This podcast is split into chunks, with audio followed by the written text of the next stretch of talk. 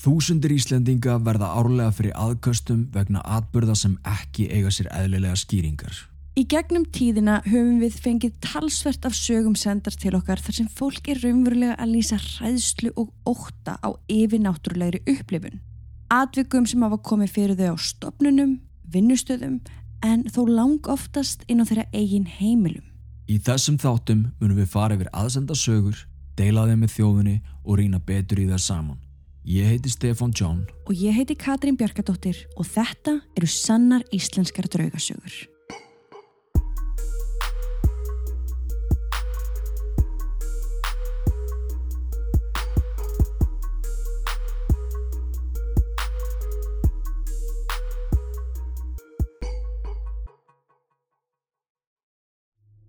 Áður en við byrjum er rétt að taka fram að sögurnar sem teknar eru fyrir í þessum þáttum eru valdar af handahófi en ekki neittni ákveðinni tímaröð sem þær eru sendar okkur. Eftirfarnandi sögur eru sannar og koma frá fólki úr öllum stjættum þjóðfélagsins. Allt eru þetta mismunandi einstaklingar á mismunandi aldri. En allt þetta fólk á það sameiginlegt að hafa lendi einhverju yfirnáttúrulegu og það hér á Íslandi. Orðalagi og uppröðun hefur lítilega verið breytt til þess að koma sögurinn sem best til skila en að öðru leiti eru frásagnirnar nákvæmlega eins og þær bárust okkur. Sögurnar verða sagðar í fyrstu personu eins og þær eru skrifaðar og eftir hverja sögu munum við Katrín taka örstuð spjall. Saga 1. Trú ekki að drauga. Mér langar mjög mikið að segja að ég trú ekki á þetta en því miður hef ég lent allt of oft í einhverju sem ég get ekki útskýrt. Ég á svo margar sögur að ég átti smá vanda að velja hvað ég ætti að senda ykkur. Frá því ég mann eftir mér hef ég séð tvo menn fylgja móður minni. Einn var mjög fýtt til fara og gekku með gamla læknatösku en hinn var í gamlum sjómanafötum sem voru blöyt. Þegar ég var barn sá ég sjómanin mjög oft en sjaldnar því eldri sem ég varð. Ég var aldrei hrætt við hann. Stundum gekk hann á eftir mömmu en oftast sá ég hann fara inn í svefnherbyggisgangin og inn í svefnherbyggi foreldra minna eða satt við rúmið hennar þegar hún svaf. Ég var ekki svo eina sem sá hann, því sýstu mína sá hann líka. Eitt sinn lág ég í rúminu mínu og ég sá hann ganga fram hjá svefnherbyggistirunum mínum. Ég byrjaði að hugsa mikið hver þetta gæti eiginlega verið. Af hverju er hann alltaf aðna? Þannig ég kvíslaði. Hver ertu? Hann snýr þá að herberginu mínu og gengur inn til mín en það hafði hann aldrei gert áður. Ég viðukenni að ég varð pínu smeg fyrst en aldrei hrætt. Hann segir svo fyrir mig. Ég veit að þú ert búin að vera að velta því mikið fyrir þér hver ég sé og hvað ég er að gera hérna. En ég er bara elda nafni mitt og fylgjast með að allt sé í góðu. Þar sem þú sérð og heyrir svona vel í mér, vildi þá skila til afaðins að mér líði vel. Ég hef það fínt, síðan stýra sig við og gengur burt. Ég átti bara einn afa á lífi og vissi því alveg hvaða afa hann átti við. Ég segi móðu minni frá þessu og hún brosir, eins og hún vissi alveg hver þetta væri. Hún segir svo við mig að nú þurftum við að fara í heimsók til afa svo ég geti komið þessum skilabóðum til hans. Við kíkjum þá til afa og ég segja honum frá þessu. Afi minn brosir og hlær. Jæja, honu líður þá vel, elsku kallinn.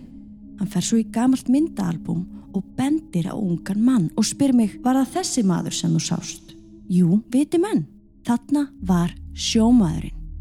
Þá segir Afi að þetta sé eldri bróður hann sem lést ungur á sjó þegar báturinn hans fóst.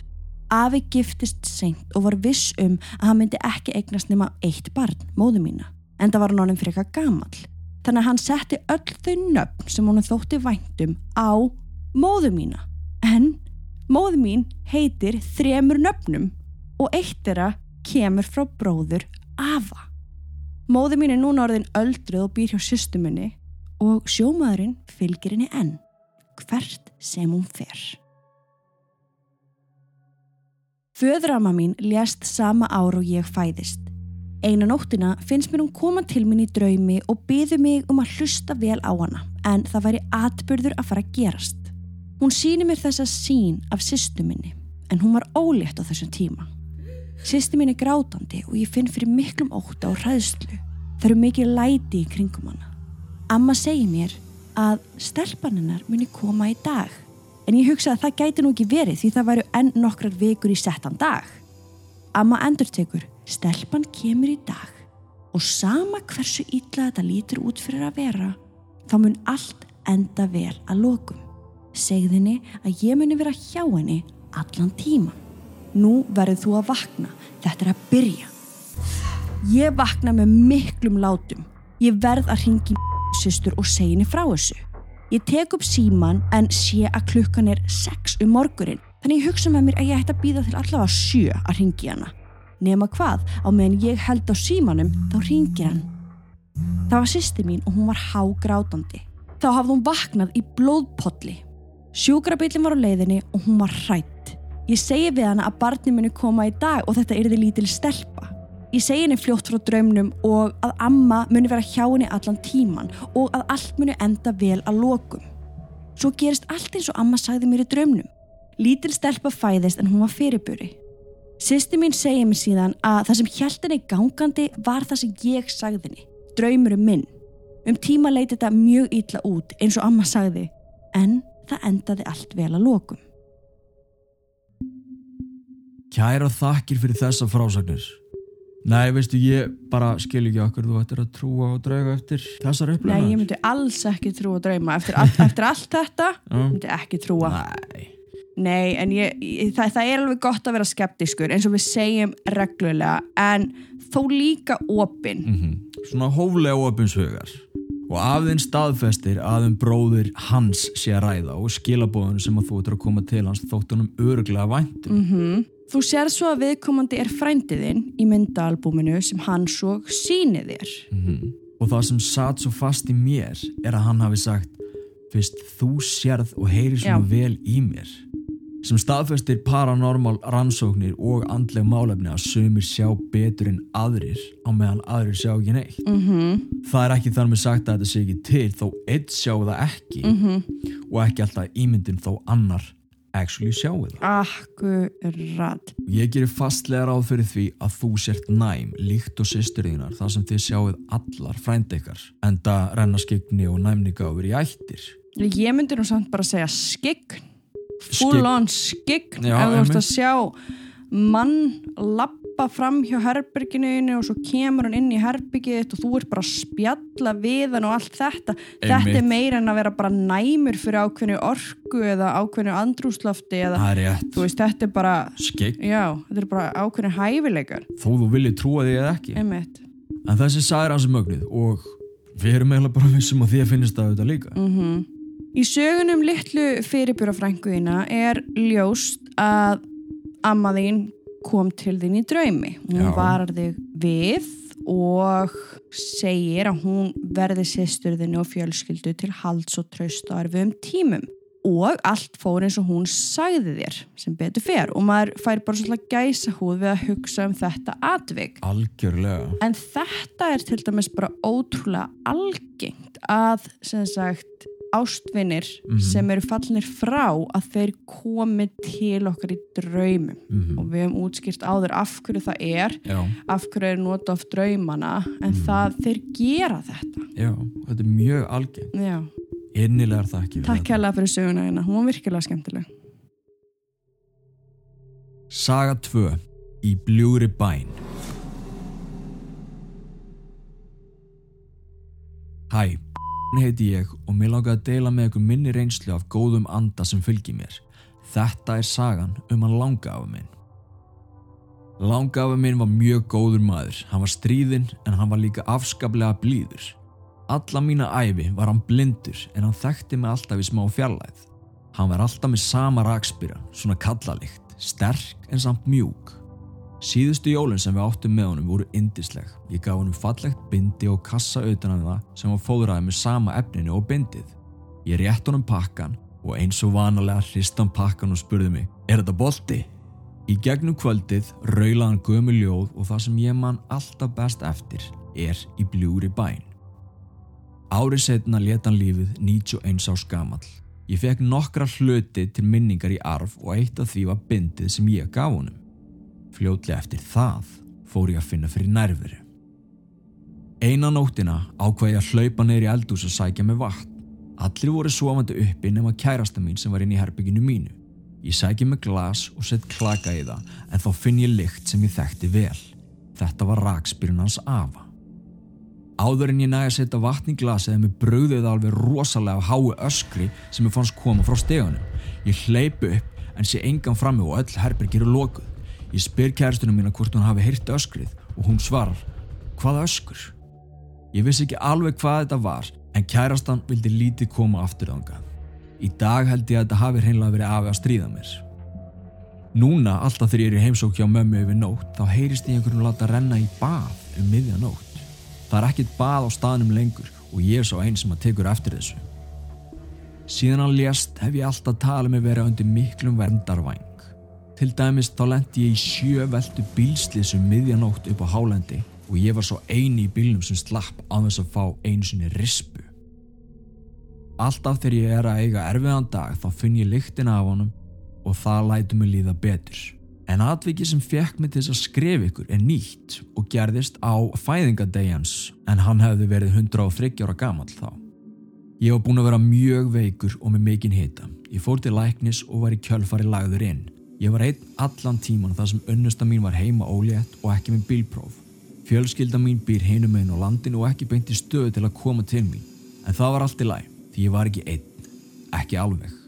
Ég fann allan tíma fyrir nervuru afa og vissi að mér myndi batna fljótt. Fjórðið dagur innlegnar og ég beigði eftir að fá að fara heim og knúsa unnustuna mína. En heim fekk ég ekki að fara strax. Setna þetta kvöld var ég bara andlega ekki að nenna þessu og leið mjög illa. Það var rosalega dimt og ég var aðleitinn á stofu og var að reyna að fara að sofa. Ég breyði yfir mig, halla mér á kottan og loka augunum. Skyndilega finn ég þessa sterku en samt mjúku lykt samstundis og ég fæ koss á ennið og einnig grepið ljúflega í vinstri höndina mína. Ég opnaði augun en það var auðvitað enginn þar. Ég brosti bara og lokaði augunum og fór aftur að sofa. Dægin eftir var ég á heimleið. Takk fyrir að lesa söguna og vona þið hafi notið þess. P.S. Eins og við mannfólkið þá eru draugar jafn misjafnir og þeir eru margir. Þetta var góð saga, hún var hugljú og þægileg og það Já. er svo gott að vita af langafa þínum Mm og finnir svona vel fyrir honum og hann geti nálgast þig á þann hátt að þér líði samt sem áður vel Já, að það hefur alveg komið upp á einmitt að afar og ömmur sé að reyna að byrtast badnabönnum en badnabönnin verða hrætt eða finnst það óþægilegt Já. eða eitthvað svo leiðis en hann greinilega næra að koma að þér á mjög þægilegan hátt og, og greinilega er bara vendrengiðliðin já, þannig að þér líði vel og fáir þessa ummygg. Já, Öskrið þannig í byrjun getur við kannski ekki alveg greint Nei. fyrir en ef þú heldur að hann hafi verið að stríða þarna þá er það líklega bara alveg rétt. Baðkarið heimi og fóldriðinum er að öllu líkindum svona residual endurtekin orska eða þá bara afinn að láta renni í bað fyrir litla strákinsinn þar sem þú ert nú hann að komin heim. Á sjúkrahúsinu gerist það það sem algengt er þegar við stöndum í heilsufarslegum baráttum og þá komum við til okkar svona verndarverur sem að vaka yfir okkur og leið okkur í gegnum erfiða tíma og þarna hefur hann bara greinlega komið hugreist strákin sinn þegar það honum leið illa og, og senda hann svo bara heim á leið. Þetta er auðvitað bara svona notalegast að drauga sagan til þess. Já hún fyrir allavega á lista yfir, yfir þægilegustu draugasöðun hinga til. Já, Við erum hér engungu til þess að upplýsa fólk, en ekki rífa upp gömul sár. Við segjum söguna eins og hún er, því hvort sem fólki líka betur eða verð, þá gerðist þetta hér, á þessu litla landi okkar.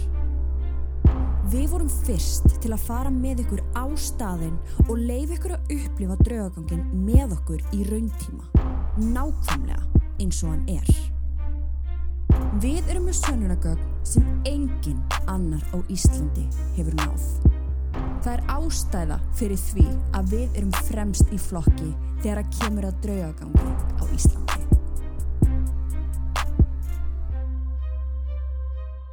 Skoðuðu áskriftarleiðirnar inn á patreon.com skástrygg draugasögur.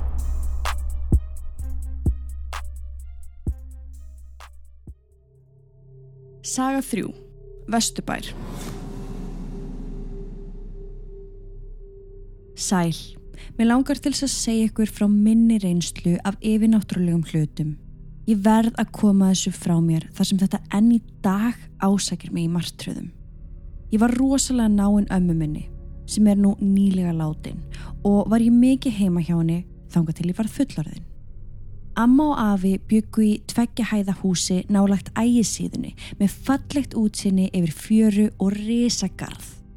Þegar ég fættist byggu við mamma og pappi íbúðinni á neðri hæðinni í nokkur ár. En setna meir flutti frænga mín í þá íbúð og þegar að fyrsta barn hennar fættist var ég mjög tengt honum. Ég varði öllum frítíma mínum hjá þeim og leik mikið við litla frænda. Frá því að hann var unga barn og ég satt með hann í kjöldunni í stofinni byrjaði hann að benda og hlæja á einn stað í sófanum. Þegar hann stækkaði og gætt lappað fór hann hlæjandi með allt sitt dót á þennan eina stað í sófanum. Stoppaði og horði brosandi upp. Líkt og hann sæ einhvern sita í sófanum og var að leika við hann. Í íbúðin á neðri hæðinni var alltaf þessi yfirþyrmandi tilfinning að einhver væri hjá þér, bak við þig eða í næsta herbergi. Ég vildi því alls ekki vera einn þarna frá því ég var barn.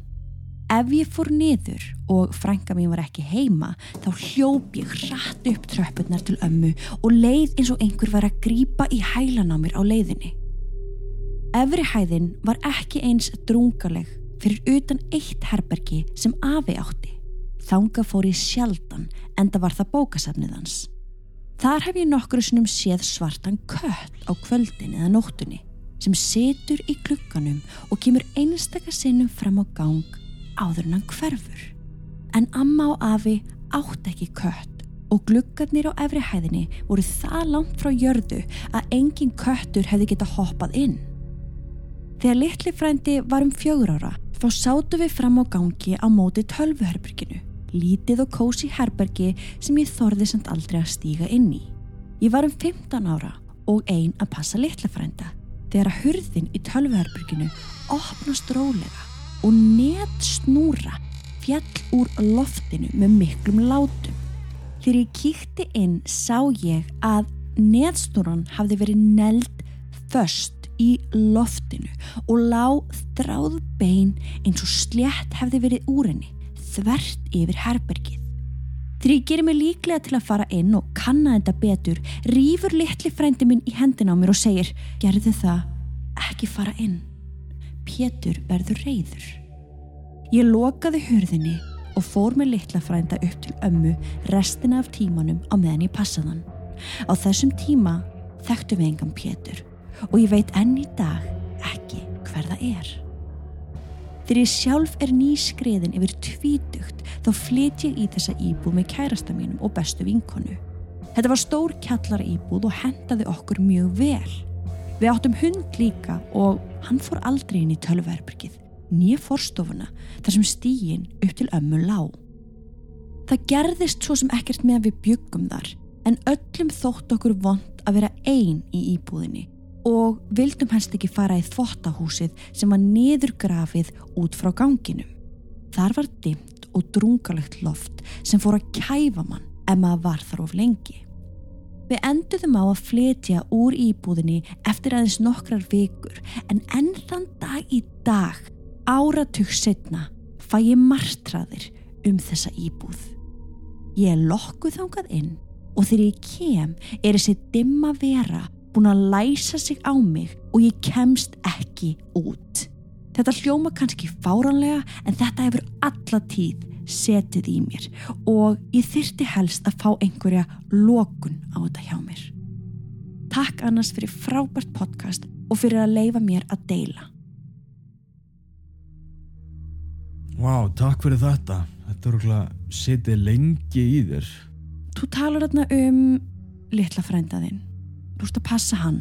Þau eru í þessari kjallara íbúð. Já, og amman býr fyrir ofan Mm og hérna, og ég eiginlega veit nákvæmlega hvernig þetta er. Ég veit að Já. mamma mín, amma mín bjó líka alltaf svona íbúð fyrir ofan og að mamma og pappi byggu fyrir neðan.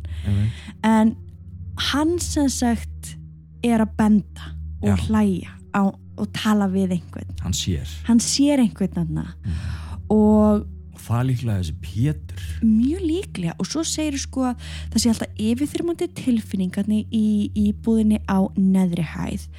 Og ég, ég þekki þetta ég veit, ég veit hvernig tilfinning, þú veist það líka stærn Já, og veist já, hvernig já, já. tilfinning þetta er og ef þú hleypur upp og þér finnst eitthvað vera að hlaupa á eftir þér. Akkurat. Og við erum svo fljótið með þetta að segja alltaf bara bá, erum við ekki bara að ímynda okkur þetta? En bara þegar maður er búin að búa kannski marga mánu mörg ár þú, þú, ert ekki alltaf að ímynda þetta. Þú veist þetta er heimilið Já. þitt þú ert síðan að sjá kött svartan gött svartan kött, þetta er alþjóðlegt tákn um eitthvað það er hjátrú það það er hjátrú. Það er hjátrú þannig að Mm. maður verður bara svona ef maður er hjátrú að fullur ok.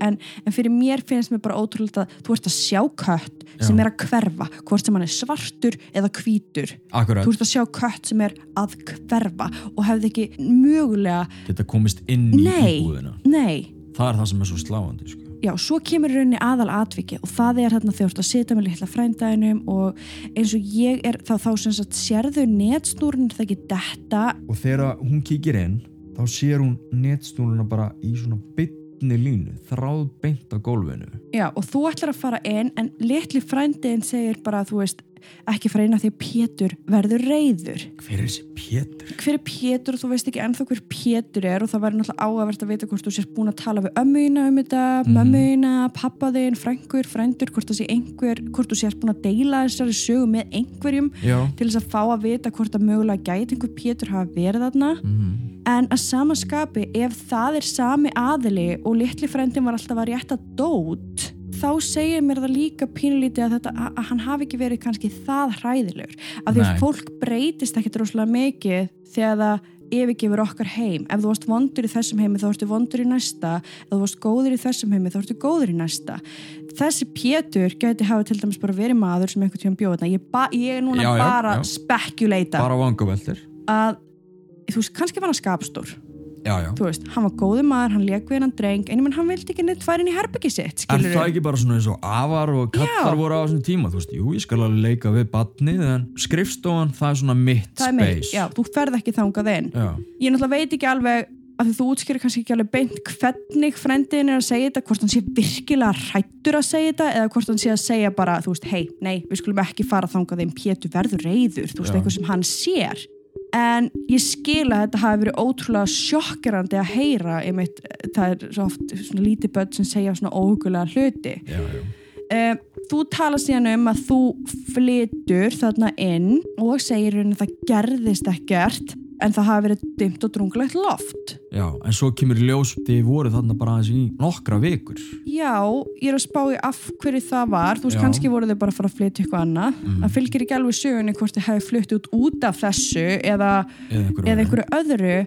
En þú ert að tala um að áratug setna sérst að fá martraðir um þessa íbúð og þú þurfur að fá eitthvað svona, ég ætla að fá að sletta eitthvað closure eða Mhm. lokun. Af því það er verið að lokka þið alltaf aftur og aftur inn í þetta hús. Já, uh, við höfum tekið fyrir svona sögu áður. Já, þar sem að einmitt var kona sem talaði um að hún bjómanstuð þarna í einhverju í, húsi með Mhm. börnunum sínum. Ég held að þetta sé í fyrsta öðrum þætti sem við gáum út. Já, og hún er ennþá að fá martræðum í dag fullur en kona. Já. og þetta er rosalega svipa Mm Og mjög algengt. ég veit ekki hvort það sé eitthvað meira í þessari sögu. Ég Nei. veit ekki hvort þú lendir í fleiri áföllum eða einhverju, einhverjum fleiri atvikum að inni Mm sem gæti hafa gert það að verkum að þú ert svona rosalega hrætt og þú ert ennþá að fá martræðir um þetta. Ég veit ekki hvort þetta hús tengist þér ennþá í dag á nokkurn hátt? En einhvern veginn þá ertu lokkuð á staðin. já, allavega í martröðinni mitt og þá ertu lokkuð ná staðin og ég var líka áherslu að vita hvort að martröðin sé alltaf eins. Þú þarft að loka þessum kabla í lífiðinu Það er spurning hvort að það sem með aðstofa ákveðin að miðla. Mhm. Og þá trú ef að þú leitar þangað. mm en það er rauninni, þú veist, jafnvel bara svona auðveldasta leiðin ef ég ætti bara að segja ef þetta hús er ennþá hús sem þú getur labbað inn í. Ef einhver á þetta sem þú þekkir ennþá í dag þá er það bara labbaðan inn og bara se segja stopp, þú veist, þið bara, bara látið mig í friði, nú er þetta komið. þetta er komið. Þú veist, þið eru að ásækja mig í draumum þið hafið ekki leifi til þess að ásækja mig í draumum. Látið mig vera. Ég, þegar ég fer hérna út, þá fylgir mér enginn og þið komið aldrei og heimsækja mig, aldrei, þú setur línutnar Akkurat. þetta er eitthvað sem þú gæti prófa að gera Mhm. ef þú ferð þarna inn einhver tíman og þá er það bara að segja stopp. Já, með bara réttu hugafæri og bara ákveðin. Það er ein leiðin annars getur auðvitað haft samband við okkur ef þetta er eitthvað sem að, sem að virkilega er að hrjá þig og við getum svona svolítið leiðbyndir kannski rétta átt með þetta af því að þú ert ekki ein. Alls, alls ekki. Alls ekki, en já, svo er náttúrulega fullt af draugum hann í er fullt að draugum í tala nú ekki um blessaða ægi síðan takk fyrir þetta. Takk. Saga fjögur. Neikvæð öfl Ég hef verið hlustandi podcastins ykkar næri því frá fyrsta þætti og nú þegar þið hafi tekið að ykkur að segja frá sögum okkur hlustenda sem fjalla um atvik draugagangs fannst mér tilvali tækifæri að senda á ykkur mína sögu. Þó ég sé ekki alveg með á hreinu hvort ykkur muni finnast hún nógu draugaleg en það kemur bara í ljós. Ég hef alltaf verið mjög næm bara frá því að ég opnaði augum fyrst á barnsárum mínum. Mamma mín sagði mig frá því hvernig hún þurfti að láta loka fyrir þetta nokkurn veginn vegna þess að ég gætt hverki farið án þess að sjá eitthvað sem hún sá ekki. Gott dæmi er að oft þegar mamma var að keira með mig í bílnum þá lág við að ég misti viti þegar ég sá að mamma kerði í gegnum einhvern. Ég öskraði og gargaði, let öllum yllum látum því ég kjælt að mamma hefði keirt á lifandi mannesku. Mamma hefur líka alltaf verið næm, eins og til dæmis þegar ég var unga barn og bara á nokkra mánuða aldri, þá hafði mamma sett mig út í vagnin sem stóð í gardinum okkar, bara svo hún geti fengið nokkra mínutna frið á meðan ég svæfi. Mamma síðan gleymi sér aðeins og reynilega beint gleymir að ég er út í vagninum. Eftir smá tíma þá er einhver, eitthvað sem potar í mömmu og gerir það nokkru sinnum. Hún spáir ekkert í því fyrir hún er slegin í bakið eða öxtina af einhverju sem var ekki sjáanlegt. Hún stendur snögglega upp og er litið út í garð þar sem ég sef í vagninum. Hún fer út og lítur á mig bara til að sjá að ég er hægt að anda og er honum fjólublá í framann. Ég hef trúað því að þarna hafi einhver góður andi tekið það á sig að láta mömmu vita að ég væri hægt að anda og segja henni að fara að líta á mig. Núna er ég mun eldri og ég er honum frekar nægum aftur. Samt gerist það sjaldan að ég verð vör við eitthvað sem á ekki heima í heimi okkar lifandi. Þetta er eitt atvik sem ég vil samt segja frá. Við fjölskyldan búum við hliðin á kirkjugarði, nær en þið mögulega haldið. Húsið stendur alveg upp við garðin. Ég hafði verið búin að hátta mig og komin upp í rúm tilbúin að fara að sofa. En einhverju hluta vegna náði ég ekki að sopna. Sama hvað ég reyndi. Ég lá upp í rúmi, með lokuð augun, klukkan rúmlega tvö að nóttu ef ég mann rétt og þá skyndilega finn ég fyrir nýstingskulda sem fær mig til að skjálfa. Þetta stendur yfir í nokkrar mínútur og svo hættir þetta. Ég anda rólega og held áfram að reyna að sopna. Nokkrar mínútur voru liðnar þegar ég finn fyrir andadrættið sem andaðir á baki mitt. Ég snýra vegnum og bakið snýra hörðinni í herberginu mínu. Ég snýmur snögglega við og sé fyrir mér skugga standa fyrir fram á rúmið mitt. Mér snögg bregður og ég rýs upp í rúminu og þar sem ég set og horfa á skuggan finnst mér ég sjá hann brosa illgirnilega. Geti ekki útskýrt hvernig ég sá þetta bros á skugganum en ég sá það. Ég fyrir snögglega undir sæng og vona að þetta fyrirbæri fari burtu. Ég finn fyrir tárum streyma niður kynna mínar, rætt við það sem stendur þarna hjá rúminu mínu. Eftir nokkran mínútur ákveði ég að koma undan sænginni og sé að skugginni farin. En ég næ ekki að sofa þessa nótt. Svona eru næstu nætur hjá mér. Annarkvört er ég andvaka og sé svo skuggan eða ég er sopnuð og vakna við andadráttin og sé þá skuggan. Þetta hætti samt sem áður eftir nokkra daga Samt í stað þess að sjá skugga í herbyrginu mínu þá vaknaði ég oft við að einhver væri að þramma um gólfið fyrir utan herbyrgi mitt. Ég svaf alltaf með lokaða hurð þannig að ég sá aldrei neitt svona þannig. Samt sá ég skugga þess sem var að þramma um gólfið fyrir utan herbyrgið. Ég sá það vegna skuggan sem kemur undir rifuna sem er á milli hurðana og herbyrgis gólfsins. Ári líða hjá og þetta mingaði vel með tímanum. Þetta var hægt að ángara mig og ég hefði lært að hunsa þetta þegar þetta gerist. En svo er annað atvik hjá mér sem gerist þegar ég er ániðin eldri. Ég var ein heima, mamma einhver staðar og sískirinn úti, líklega með vinum sínum. Ég sati í sófanum í stofinu og var að horfa á sjómarpið, en þá allt í einu heyri ég eitthvað kalla nafn mitt. Samt var ég ein heima. Þetta var mjög skýrt kall og mjög skýr rödd. Ég lappaði um íbúðina skelvingu lostir en fann ekki neitt nýja neitt. Nokkrum dögum síðar gerist þetta aftur og þá eru tvær rattir sem kalla. Einn kvenkinsrödd og einn kallkins. Þetta gerði mig logandir hætta og ég byrja bókstallega að skjálfa úr hæðslu. Rattirna byrja síðan að segja mig fyrir verkum eins og ég sé þræll þeirra. En ég hunsa það og þá verða rattirnar reyðar og byrja að æpa á mig. Ég er við það að brotna niður þegar ég heyri mömmu lappa inn um útættirnar og þá þagnar rattirnar. Ég hef ekki heyrt í þeim síðan þetta gerðist en þetta mun alltaf setja í mér. Nokkur önnur atvik hafa komið fyrir síðan en ekki neginn sem hafa tröfla mig jafn mikið. Núna sé ég bara litla anda sem hverfa jafn skjótt og þeir byrtast. Vá, þetta hefur verið óhugulegt. Það gæti leiði fyrir að þarna séum tjöfulega verið að ræða. Áður þekkt sem kölskar eða púkar og svo framvegis sem halda sem eitt mjög oft hjá og við kirkjugarða. Mm. En já, ég var til að vita hvort þú hafi fundið fyrir einhverju ákveðni lykti í þessum tilfellin sem þú nefnir af því að það geti tengt svona eins og hluti við eins náttúrulega skiptir allir máli.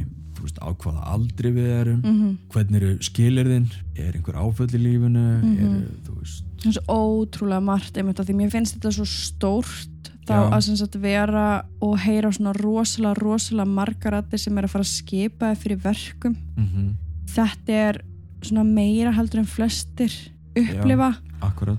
En þú talar svo sem líka um það að þú veist hafa séði þú varst yngri og ég tengi alveg þar einmitt. En þú náttúrulega ert sérfræðingur í þessu stepi ég meina þetta er, mér heyrist þetta mí, mín tilfinning er svo að þetta hafi ekki verið eitthvað gott. Alls ekki. Og þú veist það er mitt bensíni þeirra að hræða þig. Mm og oft er það mitt svona slíkar veru sem að skipa fólki fyrir verkum. Að ráðast þá oftast bara einn einstakling í fjölskyldinni og hættir þegar einhver annar mætir á svæðið. Svo það sést örglega bara þú sem að upplifir það. Og þannig verðist sumir hreinlega að vera bara eitthvað að klikka þér þegar í rauninni þá er það kannski ekki þannig. En svo talar hún líka um að hérna, þetta er rauninni bara þetta eina atvik sem þarna þetta gerðist og svo er hún ekki í dag að lendi því. Nei, en hvernig er þess að veru sem þú ert að sjá bregða fyrir skjótt og fara? Já, litlar verur, hvernig er þær á litin hvernig bera þær sig? Mhm. fylgir þeim einhver lykt? Mhm. er einhver kuld eða hiti og hvernig eru tilfinningarna sem að þú færð þegar þetta gerist? Já, en ef þú ert trúið þá myndi ég mæla með að grípa í hana bera krossa og reyna eins og getur að sína ekki hræðslu. Í sömum tilfellum er mikil byrta og ljós á samt faðivorunni ágætt að hafa í huga. Það gerir rosalega mikið. Þú talar um líka að það, það séu samt einmitt þarna nokkur atvik sem hafa komið fyrir síðan en ekki neins sem hafa trubla mig jafn mikið. Þú veist, hvað eru að tala um þá jafn mikið? Eru að tala um að það sé að trubla þig já að einhverju leiti en, en ég skil til dæmis mjög vel hvað átt við vegna þess að þú veist ég get átt daga þar sem ég sé stanslust og ég get orðið bara rosalega þreytt og bara svona Já. úf bara þú veist ég er alveg orðin þú veist það trubla mig er ekki neikvægt en það trubla mig svona að ég er orðin þreytt. Um, að sjá rosalega mikið. Já en, en ertu að sjá ertu hrætt, það eru margar spurningar ertu hrætt, ertu, er þetta óþægilegt? Er þetta, er þetta hvernig er þetta trublað, er þetta trublað um á sefur? Er þetta, er þetta ganga á þig? Já, býrðu ennþá hann í dag? Svo við fyrir aðeins aftur tilbaka Já. er byrjunarsöguna sem hún talar um mömmuna að hún er að, hérna úti í vagni. Já, alveg og einhver pikkar í mömmu. Það er nú bara er einhver bara verndar vendarengill engill, já. það er rosa fallegt já, sko. ég meina þessi andi hefur örgulega bjarga lífið þínu. En við sendum til þín hlýja og góð og streym já, við gerum það. Herru, þá eru sögu dagsins komnar. Já, viljum byrja á því að þakka öllum höfundum fyrir sögur vikunar og ykkur hinnum kærlega fyrir að hlusta Og svo viljum við endilega minna ykkur á hitt podcastið sem við erum með, Draugasögu podcast, sem þú getur fundið inn á öllum helstu hlaðvarsveitum, en svo erum við sjálfsögum með áskipta síðan okkar patreon.com, skástrygg draugasögur, þar eru yfir 200 pluss sögur sem þið getur bingeað ef ég ætla bara að sletta. einmitt, gott Núna. fyrir jólin Já, einmitt. Endilega kíkið á þetta það er enginn að fara að gera neitt, það er allir að detti eitthvað svona smá sóttkvíarmót, er það ekki? Eða þú veist, það Jú, má ekki fara út lengur. Þannig að endilega kíkja á draugasögur við erum fullt af hérna, myndefni og sönnunagögnum úr, úr íslenskum stöðum bara endilega kíkja á þetta Takk allir þeir sem fylgja okkur á Instagram og Facebook undir nafnu Draugasögur podcast sem og á TikTok. Sannar íslenska draugasögur er vikulegt hlaðvarp svo lengi sem okkur halda áfram að berast sögur frá ykkur í gegnum draugasögur.draugasögur.com mert aðsendar sögur. Takk fyrir að hlusta og þanga til næst. Ef þið líkaði þátturinn í dag, endilega fylgd okkur á Spotify og gjá okkur umsögn og stjörnir á Apple Podcast. Fylgstu mig á Instagram og Facebook undir nafninu Draugasögur Podcast til að missa örglega ekki af neinu. Takk fyrir og fangum til næst.